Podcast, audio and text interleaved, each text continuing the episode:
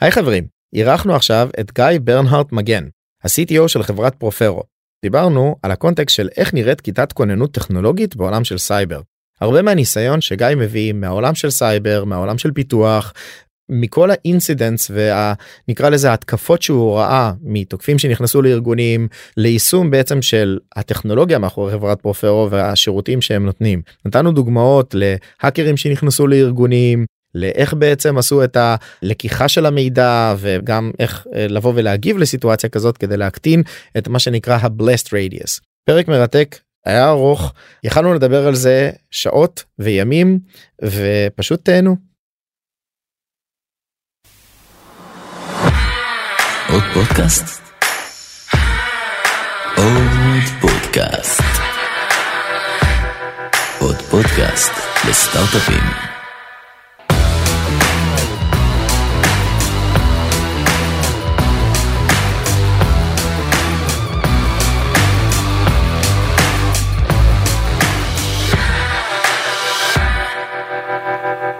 שלום חברים ברוכים הבאים ואנחנו מארחים היום את uh, גיא ברנהארט מגן שהוא ה-CTO של חברת פרופרו.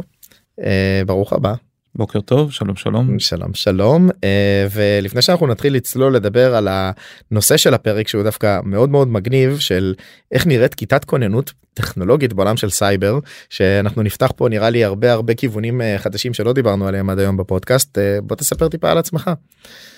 אני אתחיל אחורה קצת uh, עליתי לישראל שהייתי בן uh, שלוש מארצות הברית המשפחה שלי השתקעה בערד לא לא בדיוק uh, מה שאנשים מצפים כחזית ההייטק אבל למעשה זה לא נכון כי ערד הייתה עיר שהשקיעו בה המון והביאו שם כל מיני פרויקטים uh, מיוחדים. אה, למשל היה לנו את אחד המרכזי מדעים הראשונים שהיה לו פאנל של אה, שישה מודמים שהיה אפשר להיכנס אה, ולתקשר אחד עם השני סוג של מיני אינטרנט של פעם. באיזה שנה זה מה שחשוב 1985 זה זה ממש כאילו בהתחלה ממש ממש בהתחלה של הדברים המחשב הראשון שלי קומודור 128D למדתי לתכנת בייסיק. איפשהו שהייתי בן 12-13 כבר מחשבי ה-XT הראשונים 286 והחוויה הראשונה שלי של, של העולם הגדול היה שהצלחתי אה, מילים מכובסות להתחבר דרך אה, אה, מרכז המחשוב של בן גוריון אה, לעולם. כנראה בצורה פחות מאושרת ממה שזה היה אמור להיות. עם הצפצופי טלפון? עם הצפצופי טלפון היה לי אה, מודם של 2400 באוד של פעם כזה עם שפופרת שמניחים אותו. אה, טכנולוגיה של פעם כן, פסה מן העולם. אני, אני זוכר עוד בדפקון את ההרצאה של עדן שוחט ושל ענבר רז שהם אה, דיברו על באמת איך הם היו יוצאים החוצה. כן, זה מאוד מאוד דומה והרבה ממה שענבר אמר שם גם אה, מאוד דומה למסלול שאני עשיתי. פעם לפני שנים רבות היו משחקי מחשב ומאוד היית רוצה לשחק בהם בצורה לא חוקית כי לאף אחד לא היה כסף לכל זה. ובשביל זה היית צריך אחד משני דברים או לפרוץ את ההגנה של התוכנה או להשיג לך איזושהי דרך אה, לשחק במצב שהוא לא פרי מאוד. אה, בשביל שני הדברים האלה היית צריך ללמוד אסמבלי אה, לעשות קצת reverse engineering להבין איך המערכות הגנה האלה עובדות ולעקוף אותם. וככה בעצם למדתי אסמבלי והיה לי המון המון מוטיבציה להבין איך לעשות את הדברים. שבשביל לתת ככה קונטקסט שאחד כמה דברים היו מורכבים ומסובכים פעם לקחתי את כל הכסף שחסכתי בבר מצווה וקניתי הרד דיסק עצום של של 80 מגה בייט ובניתי לו קייס אצל נגר עם ריפוד כדי שאני אוכל לעבור מחבר לחבר להעתיק משחקים. זאת אומרת אנשים היו עוברים פיזית והולכים להעתיק דברים מאחד לשני כי אי אפשר היה לשלוח דברים באינטרנט כי לא היה אינטרנט. דיסקטים. דיסקטים בדיוק זיפ דרייב היה הכי גדול שהיה לנו אז. משם uh, הלכתי ללמוד בבית ספר אחר בערד לא היה לי כל כך עתיד. Uh, סיווגו אותי למגמה ללא בגרות אומנויות המזון שאני אוכל ללכת ולעבוד במטבחים של המלונות של ים המלח. Uh, אני פחות אהבתי את זה. Uh, ומצאתי לעצמי מלגה והלכתי ללמוד uh, בבית ספר אחר בהרצליה בפנימייה. Uh, ופה כבר uh, נפתחו לי אפשרויות חדשות. Uh, למדתי די הרבה עשיתי 45 יחידות אבל מצד שני סיימתי בלי בגרות uh, בגלל שאני עקשן אז עשיתי 45 יחידות עם אה, רוב ה... רוב היחידות שעניינו אותי בציונים טובים ואת הדברים שלא עניינו אותי ככה השארתי מאחור. אני אתן אה, דוגמה אה, למדתי מתמטיקה חמש יחידות ומאוד אהבתי את התחום. אבל איפשהו בכיתה י"א המורה שלי באה ואמרה לי שאם אני לא אתחיל לעשות שיעורי בית היא מורידה אותי לארבע יחידות. אז ככה בשיקול של הגרנד סכים אוף things אמרתי טוב אז נעשה ארבע יחידות כאילו עדיף לי לא לעשות שיעורי בית חבל על הזמן שלי. אה, וכשאני עשיתי את הבגרות זה היה מחולק ליחידה אחת ושלוש יחידות. אז יחידה אחת במתמטיקה עשיתי ואחרי שעשיתי את היחידה הבודדה הזאתי אה, אמרתי לזה וואלכ זה מטומטם הרי אין מצב בעולם שאני אעשה משהו עם ארבע יחידות אני בכל מקרה צריך לעשות חמש אז אין שום טעם שאני אגש לשלוש יחידות כי גם ככה אני צריך לעשות כל החמש מחדש. אה, וככה בעצם לא ניגשתי והיה לי סיימתי את התיכון עם יחידה אחת במתמטיקה שזה מצחיק כי כמה שנים אחר כך כשהלכתי לאוניברסיטה עשיתי תואר במתמטיקה אבל זה הדיסוננס הזה בין איך הדברים נראים כשאתה בתיכון לבין איך שאתה נראה אחרי צבא. תוכניות שלי נראו אחרת אז uh, עשיתי מסלול של עתודה עשיתי פסיכומטרי uh, כל מה שהיה צריך התקבלתי uh, לתוכנית הייתי אמור ללכת ללמוד בטכניון גיליתי להפתעתי שזה הולך לעלות לי כסף לא היה לי את הכסף ויצאתי מהמסלול של העתודה uh, והתגייסתי למסלול הרגיל. Uh, מפה לשם אמרתי לעצמי טוב אני uh, נעשה שלוש שנים נצא ונמשיך uh, במסלול. Uh, יצאתי חזרתי חזרה כשהתחילו כל אירועי גאות ושפל אה, וביקשו מהאנשים המוצלחים אה, לחזור הטובים לחזור הייתי קצין מבצעים בפיקוד הדרום איכשהו מצאתי את עצמי יוצא מהצבא פעם שנייה אחרי שמונה שנים. זאת אומרת אה, ביליתי תקופה הרבה יותר ארוכה בצבא ממה שציפיתי ויצאתי אחרי ההתנתקות חזרה לאזרחות. ואז הלכתי ללמוד עשיתי תואר בהנדסת חשמל מאוד נהניתי ממנו בשנה השנייה. בטכניון? לא, במכון טכנולוגי בחולון קיבלתי מלגה מלאה. אז אמרתי אני הלכתי או לתל אביב או לחולון שניהם היו יחסית קרובים לבית אה, גרתי בחולון באותו זמן אה, ובחולון נתנו לי מלגה מלאה. אז אמרתי מלגה מלאה אין לי יותר מדי שיקולים הלכתי ללמוד בחולון. ומצאתי עצמי בשנה הראשונה לתואר מאוד מתחבט אם זה בכלל משהו בשבילי סיימתי את אינפי אחד עם ציון של 67 היה לי משבר אקזיסטנציאלי כאילו למה אני פה בכלל אני לא מוצלח אני לא יודע מה אני עושה למה זה טוב. ובת הזוג שלי שכנע אותי בוא תנסה עוד סמסטר ותחליט בסוף השנה אין לך מה לעזוב באמצע שנה.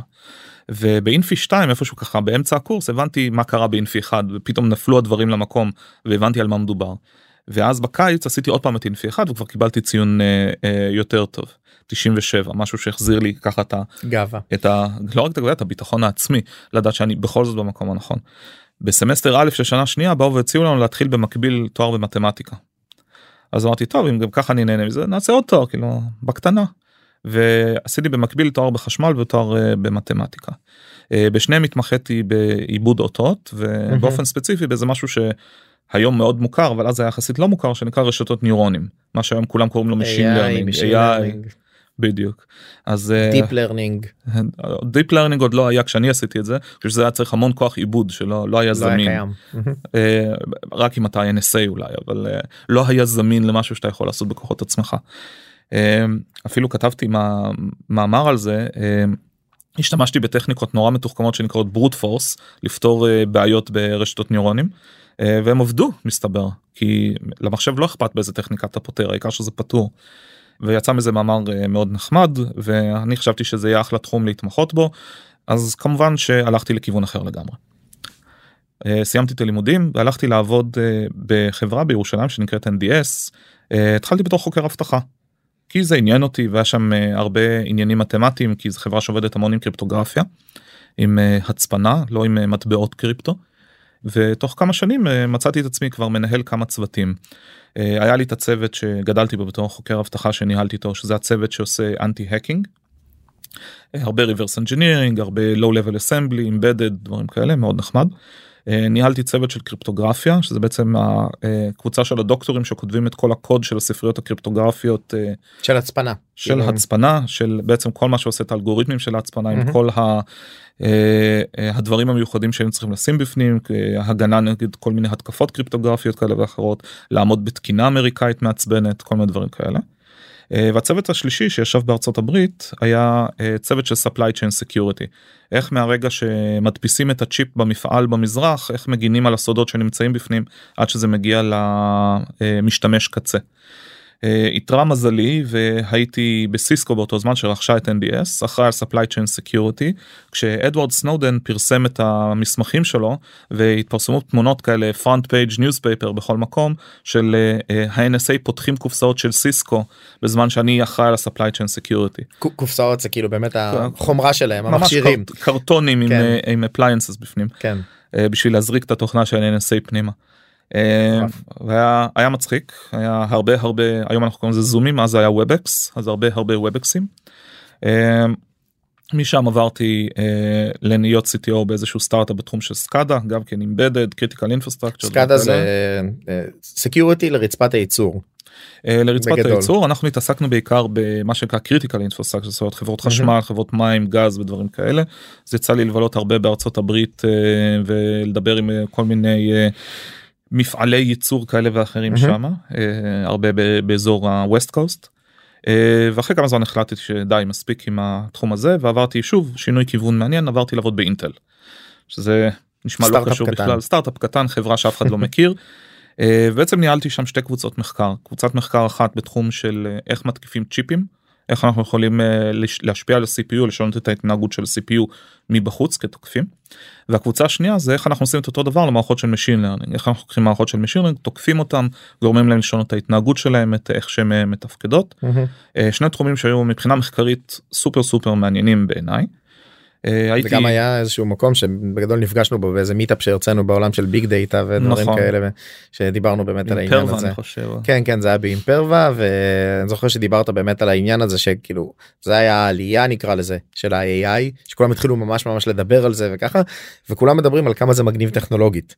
עד כמה אפשר להשיג עם זה עם רשתות ניורונים דברים כאלה והנופך של מה שהצגת אז בזמנו זה היה אוקיי חבר'ה סבבה אבל יש פה הרבה דברים ב input output לצורך העניין של ה black box הזה שאפשר להטעות ממש את כל מה שקורה לאלגוריתם רק מ input לא נכון לדוגמה או לדוגמה גם לעשות איזשהו intervention תוך כדי התהליך ולדפוק לגמרי כאילו את כל התוצאות ואף אחד לא יודע כי זה black box.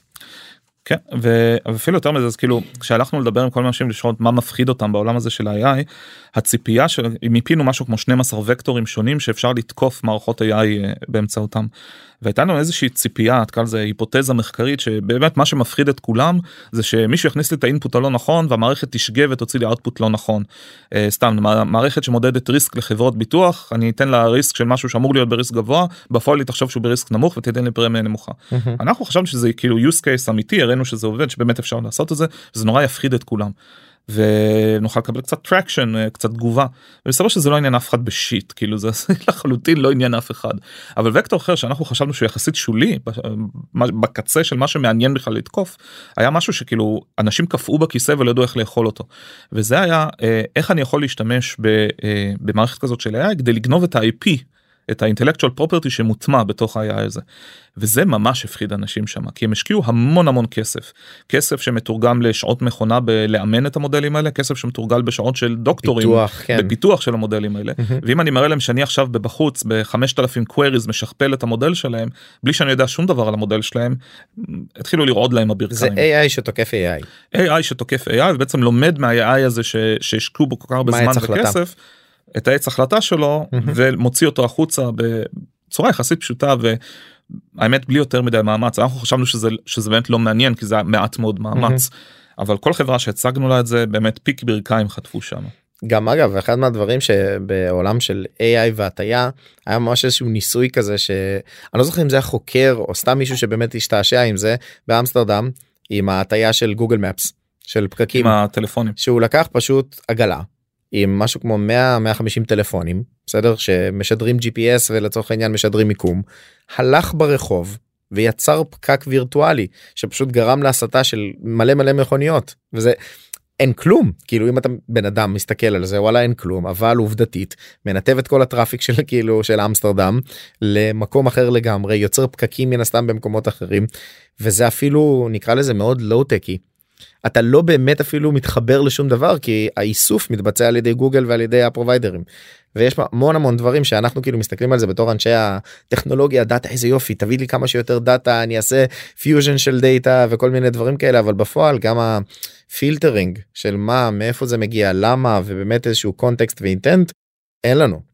ולדעתי זה אחד הדברים שצריך להסתכל ולקחת בחשבון הרבה פעמים כשבאמת מנתחים מודלים כאלה של AI רשתות ניורונים כל הבלק בוקסים המגניבים האלה יש סטארטאפים שלמים שבוססו רק על לנתח של מה קורה בשלב ה train ומה קורה לצורך העניין גם בשלב ה-decision making ב-operational part. זה אז תחום, תחום שלם שנקרא explainability. אה, שהוא מאוד מאוד מעניין כי אנשים בונים מערכות של Machine Learning ומצפים שהם אה אני המערכת הזאת החליטה שהלקוח הזה הוא low risk אבל עכשיו אני אוכל להגיד לו למה הוא low risk ואז הם מגלים שבעצם אין להם מושג למה המערכת החליטה שהוא low risk. ולנסות לעבור לעבוד אחורה ולהבין למה זה מאוד קשה. לא חד משמעית אני מסכים איתך מאוד. זה מאוד מתחבר לצעד הבא שלקחתי שכמו שאמרתי עוד פעם שינוי כיוון. עזבתי את אינטל והחלטנו אני והשותף שלי עמרי שיש פה עמרי שגב מויאל שיש פה משהו עם פוטנציאל יש פה משהו מעניין שאפשר לעשות שזה ללכת ולבנות מערכת שתגן על Machine Learning כנגד התקפות של של האקרים שזה יהיה תחום ש, שיהיה בו הרבה פוטנציאל בעתיד אנחנו מדברים על סוף 2019 רבעון אחרון של 2019 התחלנו לעשות את ה... roadmap לרוץ בין VCs שונים לדבר עם כל אני, מיני אני עוד זוכר את התמונה של הלחיצת יד והחתימה וכל הדברים האלה ש, שהקמתם את החברה וכל זה. כן, זו הייתה תקופה מאוד מאוד מגניבה, ללכת לשכנע אנשים, לעשות את המצגת, לדבר במקביל עם מומחים מכל העולם, לדבר עם חברות ענקיות. וזה הביא אותנו לשנת 2020, ינואר 2020. מעניין מה היה שם. כן, ממש טרום טרום קורונה, ויצרו אותנו קשר ממשרד הבריאות למשהו שהיה בעיניי מצחיק בזמן שזה קרה ועוד יותר מצחיק היום אחורה. משרד הבריאות כתבו איזושהי מערכת ונתנו אותה לאנשי QA שלהם ואנשי ה-QA שלהם סירבו להתקין אותה על הטלפונים כי הם היו בטוחים שהממשלה הולכת לרגל אחריהם. ופנו אלינו מה עושים כאילו אפילו אנשי QA שלנו מוכנים להתקין את האפליקציה הזאתי איך נשכנע את הציבור להתקין את האפליקציה. ובעצם עבדנו צמוד עם, עם אנשי התוכנה ועם אנשים של משרד הבריאות גם להבין יותר טוב איך לבנות את המודלים של, ה, של המערכת הזאתי וגם איך להנגיש אותה בצורה כזאת שאנשים יוכלו לבטוח בתוכנה הזאת. ובנינו אסטרטגיה שלמה והפכנו על הראש את הכיוון שהיה שם.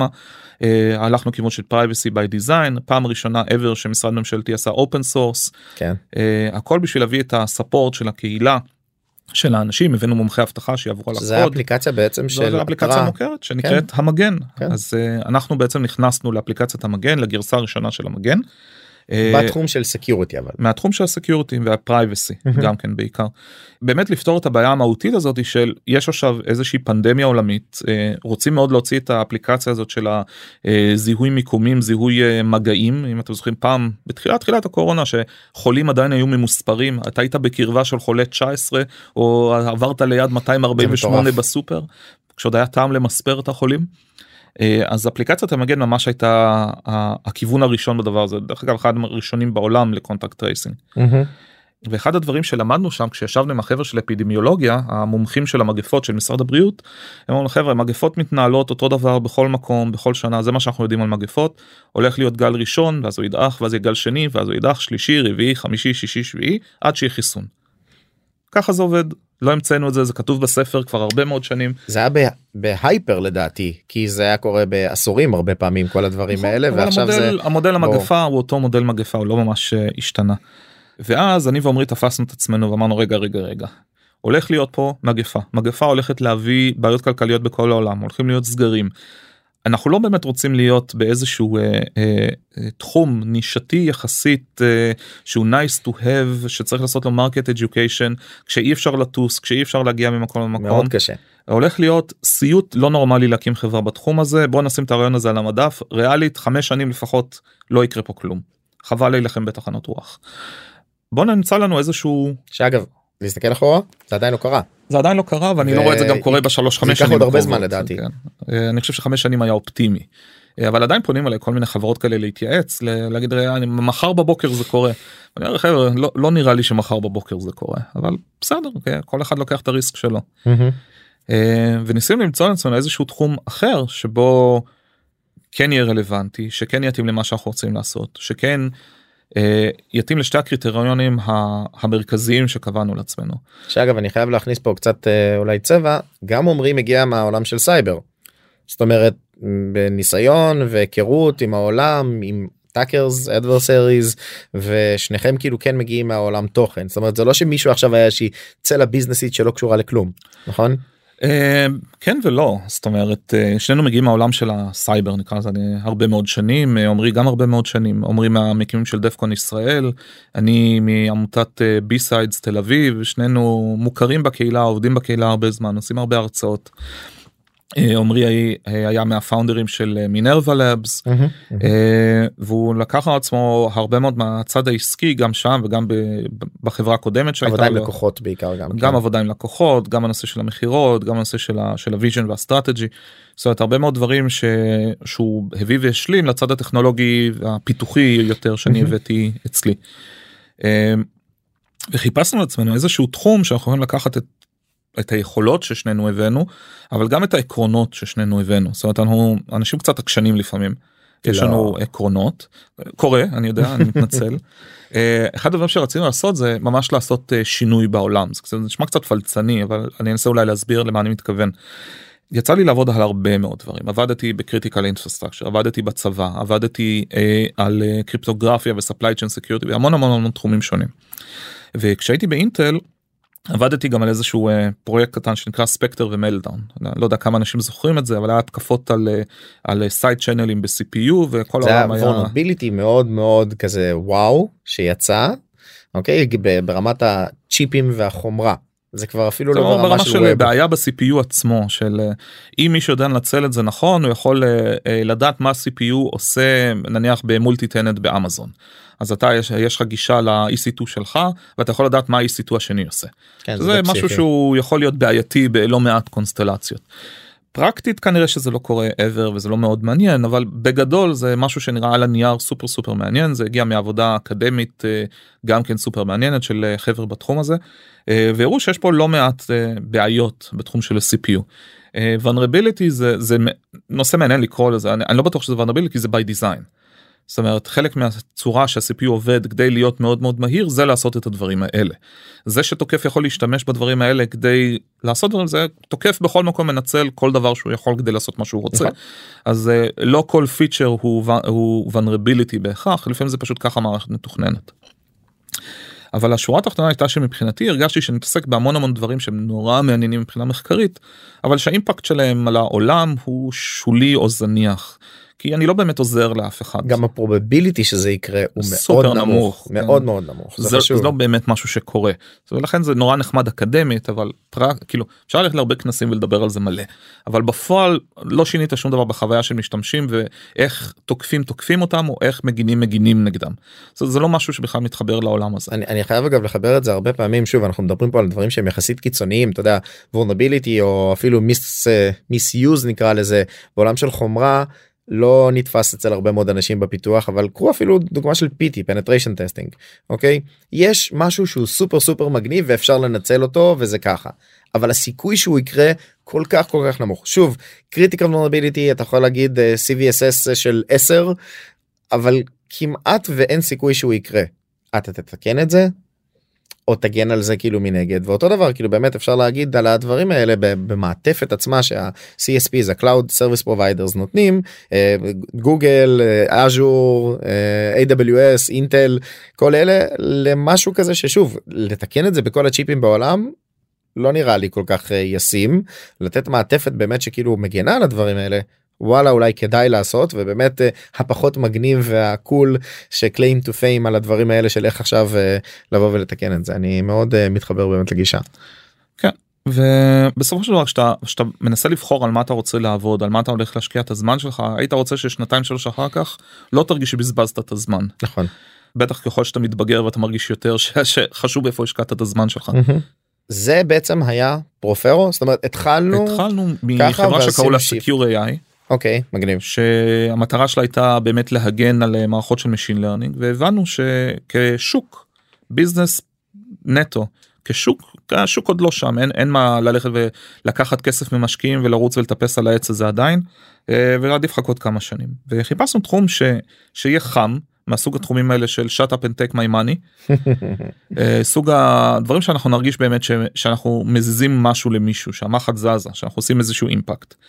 ואחד הדברים שמיד קפץ לנו כשחשבנו על זה לרגע זה העולם של incident response. זה, אני אסביר רגע מה זה אומר incident response. יש המון בעיות ב security יש בעיה שלא כולם יודעים מה זה security ולמצוא אנשים שמכירים security טוב אפילו עוד יותר קשה. אה, למצוא מישהו שמבין בווינדוס וגם בלינוקס וגם במק עוד יותר קשה. יש עכשיו אירוע ואתה צריך אנשים אה, שיבואו ויעזרו לך להבין מי פרץ לאיפה, לך תחפש עכשיו מי יהיה הבן אדם שיעזור לך. לנהל מגעים מול הטאקרים שכאילו כרגע לנהל משא ומתן, לנהל חברת PR, גנבו לנהל. עורכי דין. יש בכל הדברים האלה יש המון המון ממשקים המון אנשים שצריכים להיות מומחים בתחום הזה כי זה משהו שאתה בשוטף בשגרה בחברה שלך לא מתעסק בו בכלל. אפילו בחברה גדולה יחסית כמו אינטל או כמו סיסקו שיש להם צוות IR פנימי כשיש איזשהו אירוע קוראים לזה סיוע מבחוץ תמיד, כי אין מספיק ידיים תמיד. עובדות אין מספיק מומחיות ובסופו של דבר חברה גדולה enterprise ענקי רואה שלוש עד שש אירועים בשנה אירועים אמיתיים גדולים. רציניים גדולים ש- שאפשר להחשיב אותם כאירוע מהמם. שלושה עד שישה אירועים בשנה על צוות של חמישה אנשים זה לא בדיוק training שאתה לוקח אותו בחשבון ברור. וכשאתה מדבר על חברות קטנות יותר הם יראו אירוע פעם בשנתיים. ובטח שהן לא מחזיקות בתקווה. in-house את האנשים.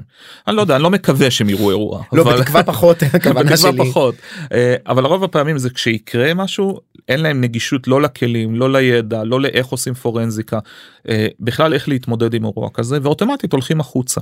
הולכים החוצה כלומר מחפשים איזושהי חברה שתדע לספק להם את השירותים האלה. שזה אגב יכול להיות אני בכוונה מקטלג זה יכול להיות בוטיק שופ של אה, שניים שלושה אנשים שהם מאוד מאוד אה, נקרא לזה איכותיים ואתה יודע מאוד ותיקים וככה וככה ויש להם מגוון מאוד קטן של לקוחות ויכול להיות גם הדלויטים EY PwC של העולם נקרא לזה הביג 4 ביג 8 אה, או קפ ג'מיני או כל מיני כאלה שהם נותני שירותים של מאות אלפי עובדים ומביאים מסה זאת אומרת מביאים לך נכון. גדוד שמתיישב על אי- אינטל כרגע כי נתת את זה כדוגמה אבל לא משנה באמת את ה enterprise הגדול וחודש עבודה כאילו יכול להיות כזה דבר אפילו יותר אה, ו, ומה שאני יכול להגיד על זה זה ש.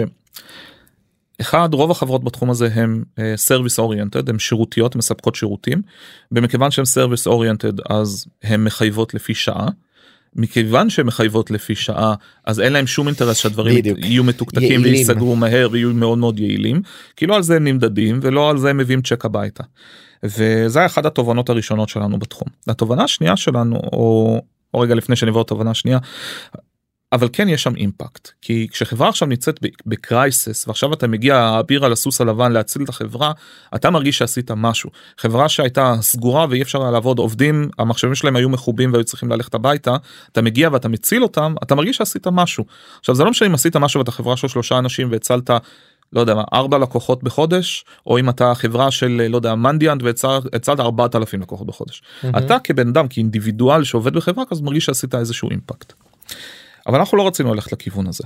אנחנו רצינו ללכת לכיוון הזה וללכת על scale. שזה בעצם כיוון אחר לגמרי לא להיות service oriented אלא לקחת את זה לכיוון של איך טכנולוגיה הייתה יכולה לעזור לנו לפתור את הבעיות האלה ולעשות impact הרבה יותר רחב מאשר אני כאינדיבידואל בא ועובד איקס שעות ולהציל איזושהי חברה. איך אני יכול לעזור להרבה חברות בבת אחת איך אני יכול לעשות scale out למשהו שהוא מגניב. service בעיקרון שלו. אז אני בכוונה אחבר את זה לקהל המאזינים שוואלה לא אולי לא מאוד מאוד proficient ב security. בוא תתאר שנייה אחת מה קורה בכלל במצב שיש לך incident response ל security לאיזשהו vulnerability או אפילו באמת breach שקרה בארגון ולמה זה כזה קשה? זאת אומרת אתה יודע היית מניח יש ארגון עזוב אינטל בסדר? חברה בינונית שיש לה צוות security של שניים שלושה אנשים יש להם כנראה הרבה מאוד כלים שהם אתה יודע מיישמים מפיירוולים end point security מלא מלא דברים נכון? כאילו יש להם כלים. הם כאילו יש להם איזושהי מעטפת הגנה. גם הרבה פעמים אה, העולם של DLP אה, data loss prevention כאילו של לא לאבד את המידע עם א' אה, לצורך העניין ברגע שהאקרים באים ו recovery וואלה יש להם practices. עשו את ההסמכת סוק 2 שלהם איזו ומלא מלא סרטיפיקציות אבל קרה אירוע מה הבעיה למה הם לא יכולים להגיב למה זה כזה קשה אני אני אתן כמה כמה דוגמאות יש לי באמת אין ספור דוגמאות אבל אני אתן כמה דוגמאות ככה מה מה שנקרא מהחיים האמיתיים. אז אה, אירוע חברה אה, ציבורית איכשהו אירועים תמיד מתחילים יום חמישי בלילה יום שישי בלילה כי זה השעות. האהובות. חייבים לעבוד לקראת שבת ככה זה ככה האקרים עובדים בחג. כשאין אנשים במשרד בחג long weekends bank holidays וכאלה. וחברה שאנחנו עובדים איתה אה, חברה לא גדולה זה 200 עובדים משהו כזה והאיש ה IT שלהם הוא ב outsource. כי בחברה 200 עובדים אתה לא תמיד מחזיק איש IT בבית. אה, ואנחנו עובדים ויום חמישי בלילה ומגיע יום שישי בבוקר מגיע יום שישי בצהריים. ואנחנו מדברים עם הבחור ואנחנו אומרים לו תשמע אנחנו חייבים גישה למערכת ככה ולמערכת ככה ולמערכת ככה ואנחנו צריכים שתביא את הסיסמאות אה, תן לנו יוזרים. ואז הוא אמר תשמעו חבר'ה אה, אני מכין אקסל עכשיו עם כל היוזרים ואני אשלח לכם אנחנו כאילו שומעים את זה וחלחלה עוברת באוזנינו מה פתאום אתה מכין אקסל עם passwords כאילו לאן הגענו. אבל לא, לא פשוט תכף נכנסת שבת ואני רוצה שתוכלו להמשיך לעבוד. זה יש משהו בדיסוננס הזה של פה אנחנו במדינת ישראל נכנסת שבת יש אירוע האקרים הצפינו את המחשבים אנחנו כולנו מלחמה סורים על הגדרות אבל נכנסה שבת מקבלים אקסל עם סיסמאות עד מוצאי שבת כבר סגרנו את האירוע איש ה IT לא לא היה ב loop בכלל. דוגמה אחת. אז היה. אה, דוגמה שנייה אה, לקוח אה, שכבר יש לו אירוע אקטיבי זאת אומרת תוקפים אצלו במערכת כבר עשו איזשהו משהו והוא קיבל אינדיקציה שיש לו תוקף במערכת קרה לנו. בואו תעזרו. סבבה מגיעים מה מה יש לך? אני משתמש ב CrowdStrike וואלה נהדר אנחנו אוהבים CrowdStrike זה זה EDR זה מוצר שמיועד ל, אה, להגנה על מחשבים בדרך כלל יש לו visibility מאוד טוב הוא יודע ל, ל, ל, גם לראות את הדברים גם להגיב לדברים אחת החברות security הכי גדולות בעולם security proper ממש מוצר די טוב אנחנו מאוד אוהבים את המוצר הזה. אה, ואתה יודע זה חדשות טובות כי אתה מגיע ללקוח זאת אומרת היה אכפת לו מספיק מ security כדי לקנות משהו בכמה שקלים טובים ויותר מזה הוא גם הטמיע אותו בארגון אז יותר מזה זה כנראה שיש לזה איזשהו ערך. ואנחנו מגיעים לשם ואנחנו מבקשים גישה לפאנל של CrowdStrike ואנחנו נכנסים ל web GUI שלהם והכל אתה יודע Christmas tree הכל אורות אדומים מהבהבים. CrowdStrike ראה הכל ראה את התוקף ראה מאיפה הוא נכנס ראה לאן הוא הלך באיפה הוא נגע. לנו זה זהב מצוין אבל הוא כבר כמעט שלושה חודשים במערכת מה קרה ואנחנו מסתכלים ואנחנו רואים שאף אחד מעולם לא קינפג את ההתראות החוצה שיגיעו לאנשהו לא שמו את הכתובת אימייל לשלוח אימייל כשמשהו קורה. ואז אתה מבין שיכול להיות המוצר הכי פנטסטי בעולם אבל אם הלקוח אפילו במינימום לא יודע להשתמש בו כמו לקבל ממנו התראות זה לא משנה כמה כסף הוא שפך על המוצר. אה, ויש לי עוד המון דוגמאות כאלה זאת אומרת אה, היה לנו מקרה אה, שהוא בעיניי סופר מעניין דרך משהו שנקרא social engineering שזה mm-hmm. מישהו כמו שפעם היו מתקשרים לאנשים תבדוק אם יש לך מים בברז מה אתה חושב שיהיה לך שם קולה. אותו פה קונספט מתקשר לבן אדם היי אני מצוות ה-IT אני מנסה לאפס לך את הסיסמה לא מצליח בוא תיתן לי רגע את הסיסמה שלך אני אנסה לאפס את זה בשבילך וככה הם גונבים את הסיסמות וככה גנבו לי איזשהו בחור מהחברת הסיסמה לסלק. נכנסו לסלק הצליחו להסתכל בהיסטוריה של הסלק בערוצים שהיה רשום אליהם ומצאו שם קרדנצ'לס להיכנס לג'ירה של הארגון. תוקף נכנס לג'ירה של הארגון התחיל לחפש לא לחפש. SSO משהו בסיסי כאילו אני מנסה לחשוב. SSO עולה תוספת כסף. היום זה דרך אגב זה פט פיב אחר כמעט כל מוצר סאסי אגב SSO כן כל מי שרוצה לי, אה, לעשות sign in עם היוזר הארגוני שלו עם הפייסבוק או הגוגל שלו משהו כזה כמעט כל מוצר סאסי דורש תוספת כסף בשביל להפעיל את הפיצ'ר הזה או בשביל להפעיל 2 factor authentication זה גם תוספת כסף. אני חושב שזה קצת ביזיון אני חייב להגיד. בנקודת מבט של security אני חושב ש 2 factor authentication זה אולי הכלי הכי חזק שיש לנו היום בשביל למנוע 95% מההתקפות שאנחנו רואים. אבל הוא עולה כסף ולכן הוא לא מוטמע. אני מסכים אגב ב Panorays כשמימשנו כן אז היה אני יודע מימשנו multi factor authentication במערכת עם authenticator app למה? כי היה לנו כמה גלגולים שלקוח ביקש. בדרך כלל אנשים הולכים היום לעולם של אוף זירו אוקטה או משהו בסגנון הזה שהוא idp identity provider שמממש לך את הדבר הזה ואתה מתלבש בעצם על התשתית עצמה של identification. אבל הדבר הזה ניתן בחינם. כאילו זה לא שאנחנו גובים משהו באיזשהו tier מסוים של enterprise או whatever כי זה מינימלי לדעתי לפחות. והיה גם עכשיו איזשהו מאמר אה, או עופר מאור מ Mitiga גם כאילו פרסם על העניין של גם זה לא מספיק. שצריך triple factor authentication על כל מיני דברים של אולי גם location uh, עוד איזשהו משהו שהוא פקטור נוסף כי גם פה אפשר לגנוב. זאת אומרת מכירה בעצם של credentials כולל ה multi factor זה קורה היום יחסית זה הרבה. נכון אני, אני לא יודע אם זה קורה יחסית הרבה ללפסוס זה לא היה עוזר אבל אני מסכים בעיקרון עם מה שעופר uh, uh, כתב אני חושב שהרף להגיע לחברות להגיע לשם הוא רחוק כל כך הם כל כך מתקשות להגיע ל-2 factor authentication להגיע ל-3 factor או יותר ברור. זה זה יותר מה שהם יכולות mm-hmm. ודווקא בכיוון הזה אנחנו לוקחים רגע טנג'נט לשם uh, יש uh, כיוון שיש קונסורטיום של חברות ביניהם גם פידו ואוקטה uh, סליחה גוגל ואוקטה ואחרות דוחפות שנקרא פידו. שהרעיון מאחורי FIDO 2 זה לעשות passwordless authentication מה שכולנו היום מכירים מביומטרי בטלפון או מזה שיש pop-up screen בסמארטפון שאפשר לעשות yes no זה אתה לא אתה ודברים כאלה ובעצם אנחנו נגיע למצב שבו אנחנו לא צריכים להקיש את הסיסמה יותר אלא יש לנו איזשהו רכיב פיזי שמזהה שאנחנו מבקשים Appliance. להתחבר. מהמם. שזה בעצם הרחבה של המושג של YubiKey למי שמכיר. מהמם. אז אם YubiKey זה מערכת שיכולה לשמור את כל הסיסמאות האלה ופשוט תלחצו על כפתור כשאתם באמת רוצים אה, להיכנס ואי אפשר להוציא את הסיסמאות החוצה אם אין לך לחיצה על הכפתור הזה אותו רעיון רק שימוש בסמארטפון או דומיו. אה, אגב What- שזה בגדול ה-what I have. נכון זאת אומרת who I am זה כאילו ה identity שלי ו-what I have משהו זה שמחזק. איזשהו סוד שנמצא על הרכיב חומרה הזה שיש כן. לו כפתור פיזי שלוחצים עליו. מהמם. כשגוגל עשו roll out לגרסה שלהם של YubiKey נקרא Titan אבל אותו אותו קונספט הם הצליחו להוריד את הפישינג בארגון בכמעט לאפס. כי גם אם מישהו מנסה לעשות לך פישינג ומביא אותך לאיזשהו דף זדוני שנראה כמו אתר של הבנק או של גוגל או whatever ואתה מנסה להזדהות במערכת ה hardware component הזה מזהה שאתה לא באמת באתר האמיתי אפילו אם הוא נראה לך כבן אדם מאוד דומה והוא ימנע ממך מלהקיש את הסיסמה שלך והם הצליחו להרוג ככה class שלם של בעיה שנקרא פישינג אצלם בארגון.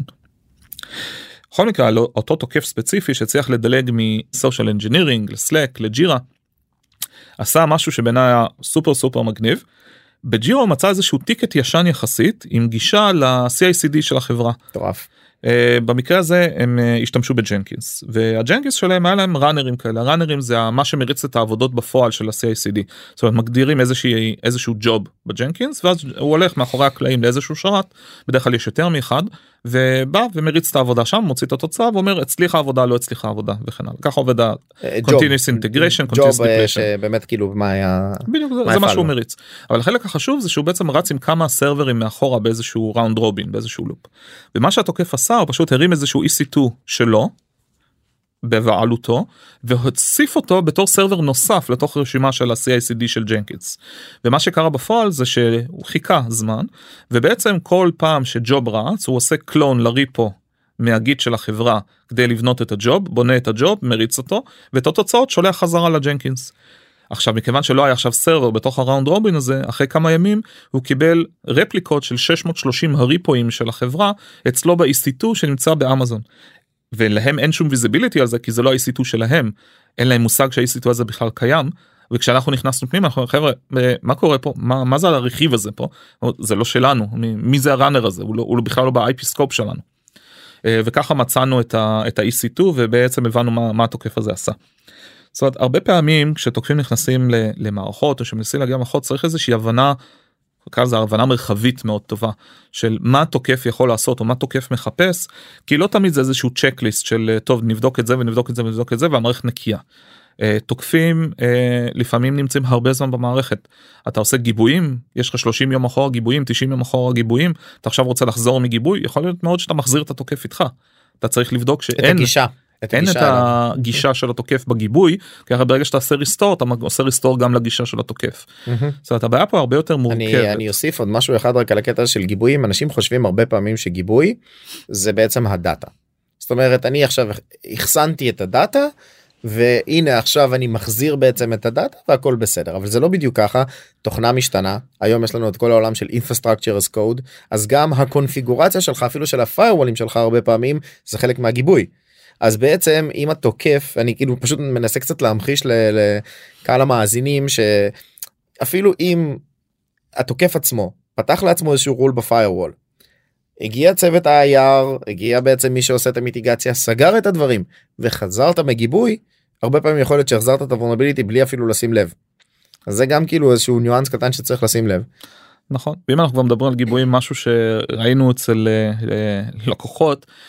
אה, היה לנו לקוח עם מערכת גיבוי באמת מאוד מאוד מרשימה אה, עם דיודה חד כיוונית כלומר שהוא יודע רק לקרוא בלי לכתוב אה, יש חלון זמנים מאוד ספציפי שבו השרת הזה נפתח בשביל לעשות pull ולמשוך גיבויים לאיזשהו off-site location ומערכת נורא מורכבת ו- ויפה סך הכל מאוד מאוד אפקטיבית.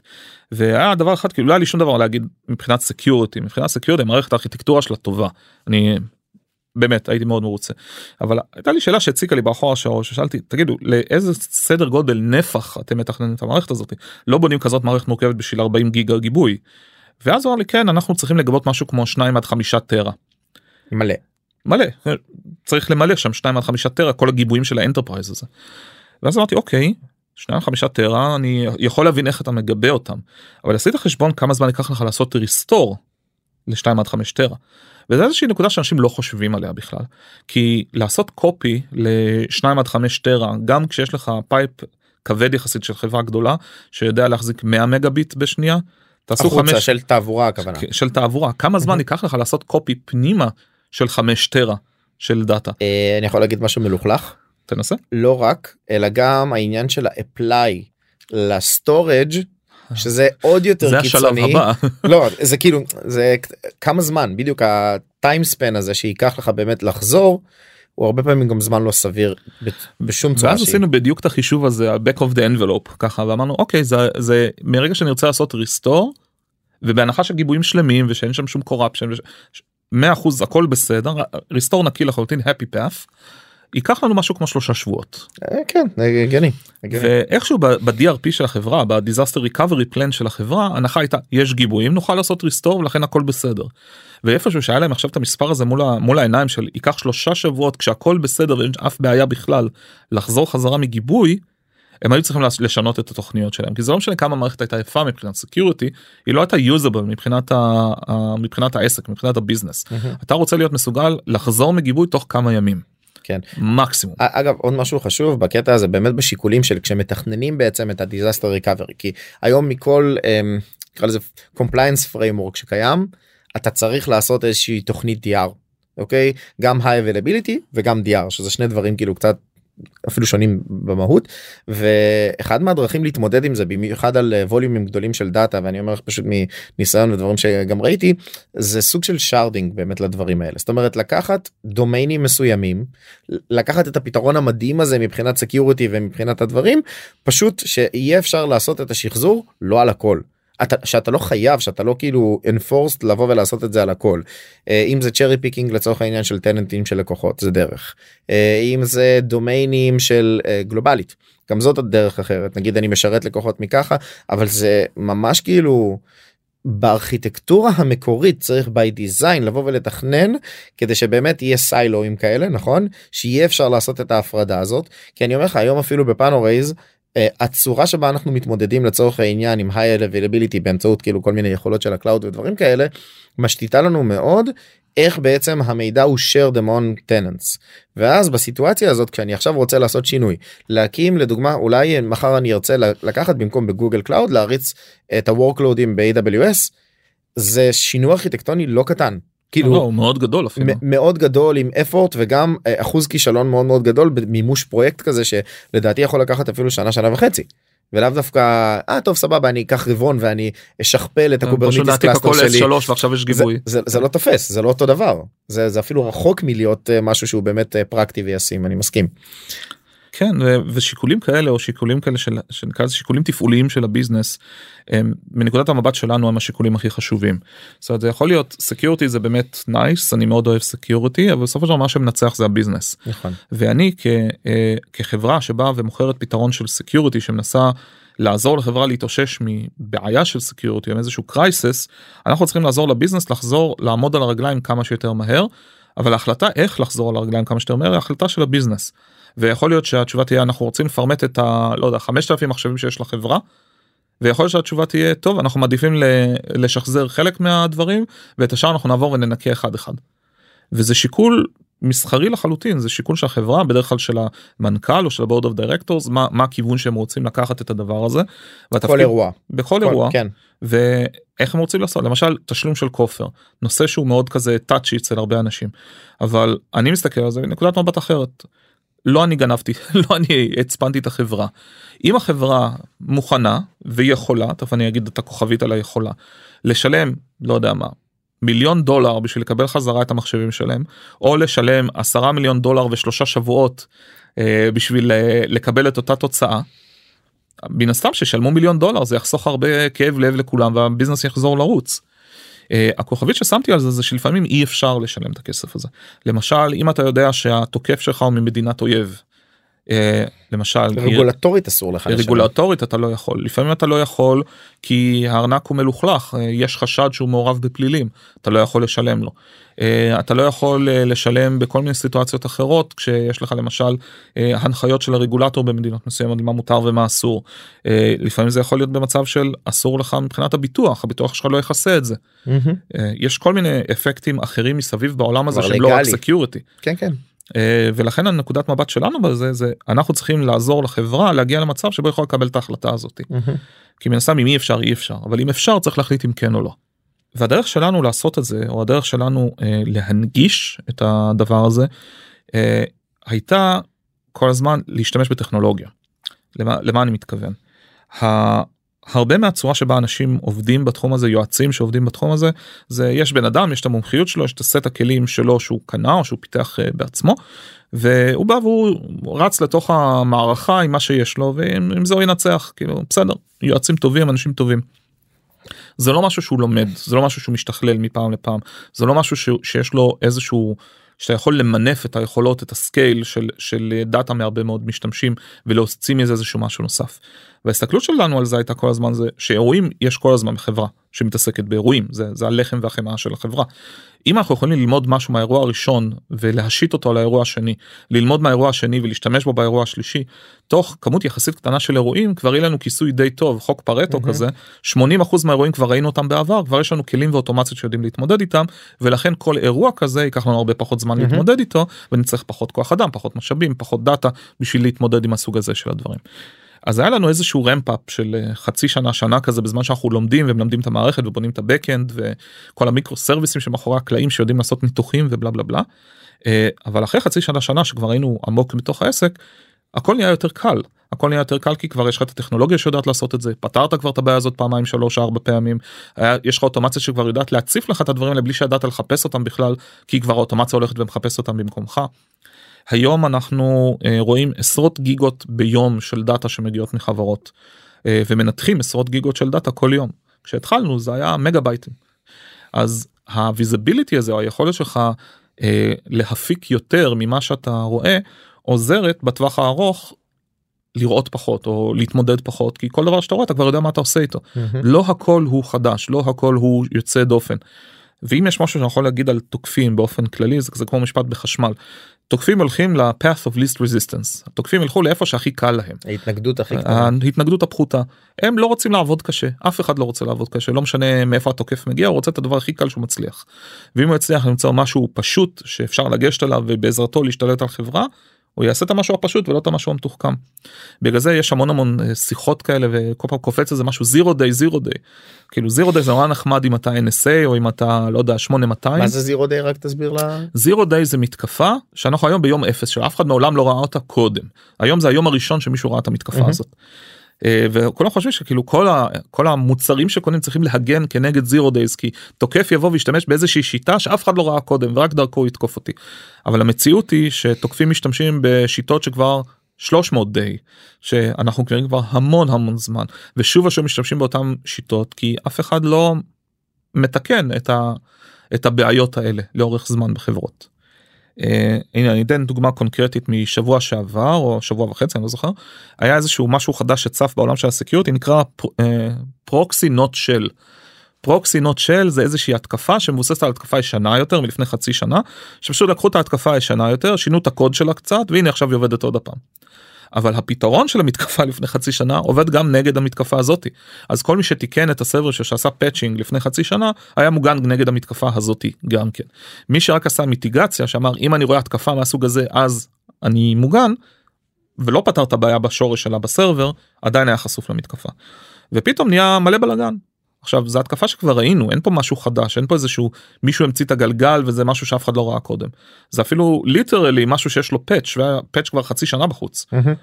ועדיין אנשים נפגעו.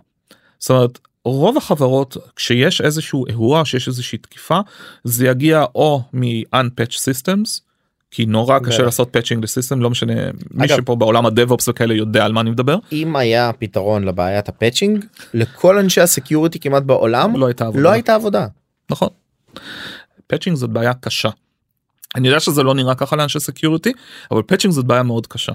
אה, אפילו יותר מזה נניח שיש איזושהי בעיה אני מנסה לה- להנגיש את הסדר גודל של הבעיה נניח שיש איזה אה, בעיה באיזשהו library שהקוד שלכם dependent upon. מהמם. ואפילו אני אלך צעד אחד אחורה זה לא library שלכם אתם dependent על library והוא dependent על משהו אחר ועכשיו מישהו הלך ותיקן משהו ב dependency בסדר שני. כמה זמן ייקח עד שהדבר הזה יהיה מוטמע אצלכם בקוד. אה, הרבה מאוד. תראה יש דרכים להתמודד עם זה היום אה, גם אפילו ברמת Java Maven כל הדברים האלה לעשות override. זה קשה זה זה- כאילו אני זה אומר לך קשה, בתור זה, מפתח זה ידני זה הרבה כן. פעמים אין visibility. בכלל אתה צריך כלים אחרים בכלל שיגידו לך שהיה משהו בעיה בסדר שני שיצא לו patch בכלל. אני, אני מצטער להגיד משהו של הנה Log4Shell ו Log4j כל ה vulnerability שיצא זה חלק מזה אני יודע זה נדוש כולם חפרו על זה את החיים אבל אנחנו עדיין נראה את הניצנים של זה הם עשו פשוט spray and pray עתק מטורף. וימשיכו לעשות את זה וזה אחד מהווקטורים אז נכון זה נחסם ברמת ה-firewall אתה יכול ברמת Cloudflare להגדיר בעצם שהרולים ככה וככה ומישהו ימצא איזשהו אתה יודע exploit אחר שבאמת אפשר לנצל את זה בצורה אחרת אבל כן הבעיה הזאת קיימת להכל ל open source שמשתמשים ולאו דווקא בנגיד סתם אתה מריץ שרת Grafana אצלך. והוא גם לצורך העניין פתוח לעולם מסיבה כזאת או אחרת והוא מריץ בסוף שורה תחתונה איזושהי גרסה של לוג 4j שהיא לא מעודכנת. איך אתה מגן? איך אתה מזהה את זה בדיוק בכלל על הדברים האלה של זיהוי טכנולוגיה וכל הדברים האלה לדעתי זה גם אתגרים שאתם נתקלים בהם גם כשאתם מגיעים כאילו להתמודד עם סיטואציה כזאת שאתה רוצה כאילו לסגור את האטאק סרפס הגעת לארגון התקנת את הכלים שלך התקנת מלא כלים מדהימים שבנית לאורך הדרך אבל עכשיו אתה צריך כאילו לעשות אה, גם סגירת שלטרים נקרא לזה לקראת הפורנזיקה כדי שבעצם התוקף אה, תגביל אותו. קשה. זה זה באמת קשה ואחד הדברים ש, שלמדנו זה כשאתה מגיע לאירוע והלקוח הוא חדש אתה לא מכיר אותו אתה לא יודע מי נגד מי בכלל ואתה יודע מישהו צלצל בפעמון יש אזעקה קפצנו כיתת כוננות קפצנו מגיעים ועכשיו צריך קודם כל להבין בכלל מי נגד מי. זה זה לפעמים זה מגיע למצב שאתה בשיחת אה, אה, זום עם לקוח אתה אומר תן לי את הארכיטקטורה של המערכת והוא מצייר לך על מפית שלושה ריבועים. ואתה אומר אוקיי אז, אז יש לך אקטיב דירקטורי הבנתי וזהו זה בערך מה שאתה יודע על ארכיטקטורה. אתה מבין שגם הלקוח אין לו מושג מה, מה הולך שם והרבה פעמים אין לו אפילו יכולת לדעת מה הולך שם. האפקט הכי דיברנו קודם על אימפקט הדבר שנותן את האימפקט הכי גדול בארגון בלהתמודד עם אירוע כי אירועים קורים לכולם גם חברות שמוכנות לזה גם חברות שלא מוכנות לזה. אבל ההבדל הוא כמה הן מוכנות לזה טוב. ולהיות מוכנות לאירוע זה למשל להבין מה יש לכם. אבל לפעמים זה דברים הרבה יותר בסיסיים מזה. אה, בממוצע משהו כמו השליש הראשון של האירוע 24 שעות הראשונות של האירוע אנחנו לא מתעסקים באירוע בכלל אנחנו מתעסקים בלוגיסטיקה של האירוע. מה זה הלוגיסטיקה של האירוע? מי יודע לייצר user חדש במערכת x? למי יש את ה password למערכת y? איך אנחנו עושים אינטגרציה לאוטפוט של מערכת אה, z שנוכל לראות את הלוגים? כל מיני איך אנחנו בכלל מתחברים למערכות של הלקוח זה משהו ששורף המון המון זמן מהמם. בתחילת האירוע. אה, ויותר מזה הרבה פעמים מה שמעניין את הלקוח לאסוף לוגים למשל זו דוגמה מאוד טובה אה, מה שמעניין את הלקוח לאסוף בלוגים זה לא מה שמעניין אותי כאיש היער או ההסתכלות שלנו היא אחרת על דברים. Uh, הדוגמה שאני תמיד משתמש בה כי היא נורא ככה straight uh, forward uh, הרבה ארגונים משתמשים ב-DC ב feature של DNS זאת אומרת יש DNS מקומי בתוך ב domain controller. ב-DNS הארגוני וכל דבר שה-DNS הארגוני לא יודע הוא מוציא החוצה. ול-DNS הזה יש לוגים. לוגים שהם זהב מבחינתי. כל דבר בתוך הארגון עושה resolving דרך ה-DNS ויש לי log שלו. נהדר. אבל ה log הזה בדרך כלל מוגבל. מוגבל או, או ל-24 עד 48 שעות או ל file size מסוים. אז אם התוקף היה אצלך שבוע אתה כנראה לא תראה מה הוא עשה לפני שבוע פשוט אתה לא שומר את הדברים האלה. אז כשאנחנו מתחברים ל- ללקוח אה, ואנחנו- לפני אירוע. לפני אירוע כשאנחנו עושים את ה onboarding והאינטגרציה בליווי של הלקוח לאורך זמן לא במקרה של אירוע נקודתי. זה אחד הלוגים שאנחנו באים ושומרים אצלנו ב backend ואנחנו שומרים אותו שנה אחורה. כי אותי הוא מאוד מאוד מעניין לשמור אותו ואת איש ה-IT 24 שעות או 48 שעות זה מספיק בשביל לדבג תקלה כשהיא קורית. אבל אני לא צריך את זה בשביל לדבג תקלה אני צריך את זה בשביל לשמור רקורד של מי ניגש למה מי עשה מה רזולב ואיזה כתובת. זה דברים שאותי מעניינים. אז נקודת מבט שלי על הדברים האלה היא מאוד שונה. אה, אותו דבר כשאנחנו מסתכלים על האנד פוינטים אמרת קודם מה עושים כשיש איזושהי תקלה כשאנחנו פורסים את, ה, את האג'נט שלנו על, ה, על המכשירים וזה נכון גם לאג'נט שלנו וגם לכל EDR אה, טוב שיש היום בשוק יש לך היום capability להגיד זיהית שיש איזה משהו חשוד במחשב אחד שניים שלושה או חמישה אתה יכול להכניס אותם למצב שנקרא isolation לנתק אותם מהרשת. הצורה שבה זה עובד בעיניי אינטליגנטית כאילו זה, זה חכם איך שזה עובד. ה, ה, אייג'נט שמותקן על המחשב מנתק את הכרטיס רשת לכל התעבורה של הכל חוץ מהתעבורה שלו בעצמו. ככה שהוא עדיין יכול לקבל פקודות ולשחרר את התעבורה אם צריך אבל אתה כאיש הסקיוריטי או כאיש ה-IR או כאיש ה-IT לא משנה מה יכול להגיד אוקיי יש לנו עכשיו אה, מש- משתמש חשוד במערכת לחץ על איזשהו phishing link קפץ לי התראה קודם כל אני אבודד אותו מהאינטרנט שהדבר הזה לא יוכל להתפשט הוא לא יכול להתחבר למשאבי הרשת הארגוניים הוא לא יכול להתחבר לאינטרנט החיצוני הוא לא יכול לעשות שום דבר חוץ מה- מה agent שמותקן אצלו במחשב שדרכו אנחנו יכולים להמשיך לנהל את התחנה. אז יש הרבה כלים והרבה טכניקות שהיום שאם תפרוס אותם מראש ואם תתארגן עליהם מראש ויהיה לך את ה playbook הנכון או את האסקלציה הנכונה את הדרך הנכונה יעזור לך להתמודד עם אירועים כשהם קטנים לפני שהם הופכים להיות אירועים גדולים. זאת אומרת יש הבדל עצום בין להתמודד עם אה, אלף מחשבים מוצפנים בארגון עשרת אלפים מחשבים מוצפנים בארגון או שלושה. נכון לא, לא זה, יש מונח כזה בסוף שאומרים כאילו minimize the blast radius כאילו אתה יודע שיקרה משהו אבל שלפחות הפיצוץ שלך יהיה מבוקר כאילו גם אפילו ברמה הזאת של תהליכים שאנחנו עושים שתגיד שזה הכי לא online incident response כל מיני דברים כאלה third party audit עצם זה שיש לך איזשהו program שאתה מיישם בעשייה.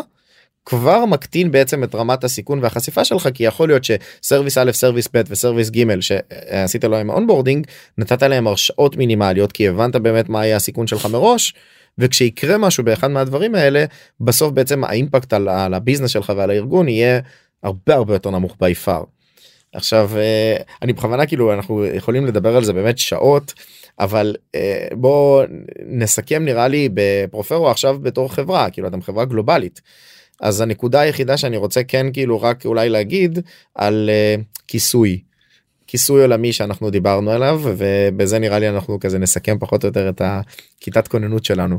כן אז אז אה, אני ועמרי מאוד אוהבים לעבוד קשה זה חלק אה, גדול מה שאנחנו עושים אבל אנחנו גם לא רוצים למות. וכשאתה נמצא באירועים במיוחד שאתה חברה שמתעסקת באירועים אז אתה מוקפץ כל יום כל היום כל השבוע גם בשישי שבת גם בחג גם עכשיו אנחנו בחג. ולהתמודד עם זה כשגרה כשאתה מוקפץ כל הזמן זה מאוד מאוד שוחק. וזה משהו שאנחנו הכרנו גם uh, מהצבא גם uh, מאירועים שהיינו בהם בעבר והבנו שהשחיקה הזאת היא משהו שהוא יכול להיות רע מאוד לחברה בטווח הארוך. גם ברמה של retention של עובדים גם ברמה של work life balance בכלל איך להתמודד עם הדבר הזה.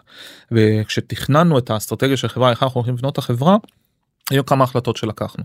אחת מהן הייתה שאנחנו רוצים לעבוד fully remote. החברה היא fully remote אין לנו משרדים מעולם לא היו לנו משרדים אבל זה חלק מהאסטרטגיה. Uh, והסיבה פה היא נשמעת די פשוטה אבל היא לא כזו פשוטה. Uh, אנחנו רוצים להיות מסוגלים to eat our own dog food.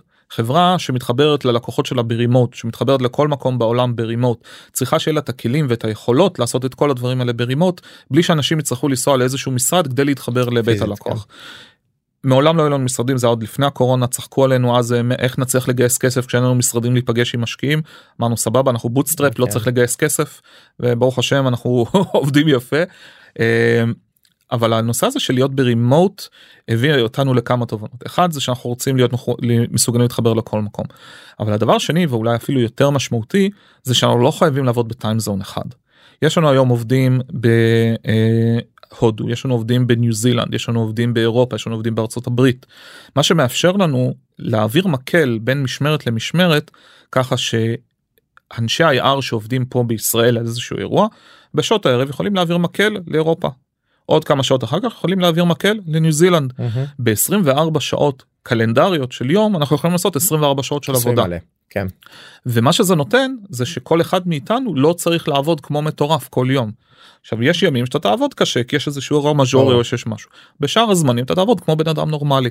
אתה תוכל לעשות training תוכל לעשות מחקר תוכל לעשות עבודה תוכל להתעסק באירועים וברמה של ה-work life balance ברמה של הסיפוק האישי וברמה של השחיקה זה נותן לנו כלים להתמודד עם זה שהיה הרבה יותר קשה לעשות חברה שממוקמת בישראל והכל עובד פיזית, במשרד נכון. ופיזית כולם צריכים להיות במשרד בשביל לעבוד.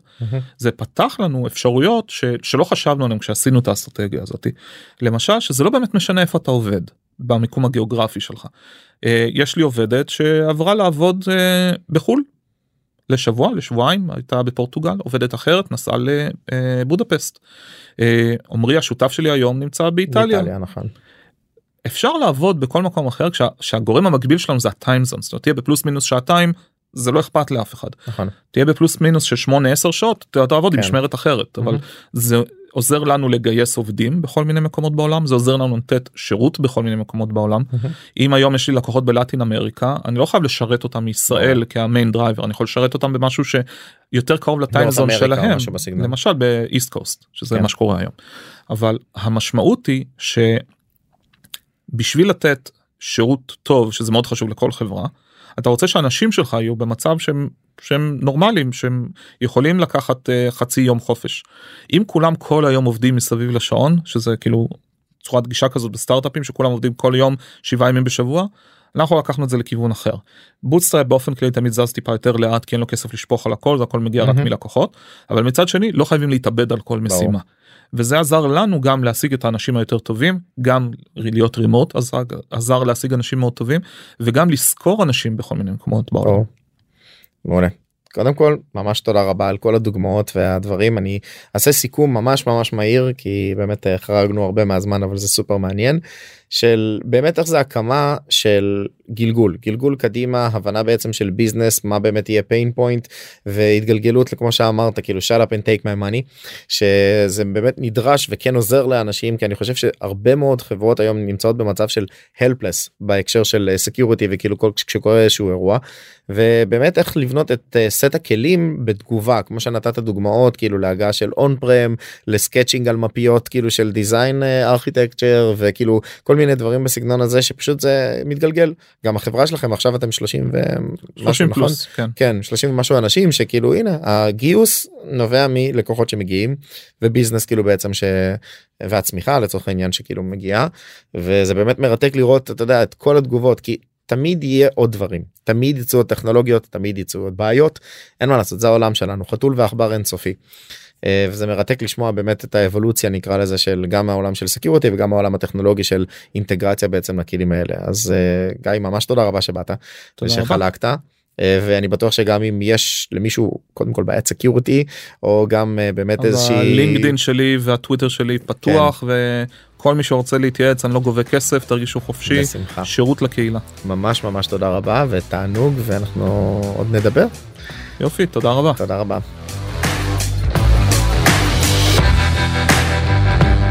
סיימנו עוד פרק של עוד פודקאסט טכנולוגי. אני אשמח אם תוכלו לפנות אליי, לדבר איתי ולתת פידבק על הפרק וגם איזה עוד נושאים מעניינים אתכם אתם יכולים לפנות אליי גם בלינקדאין, גם בפייסבוק, גם באינסטגרם, בכל מדיה שתרצו. אם יש לכם משהו שמעניין אתכם, אנחנו כאן בשבילכם.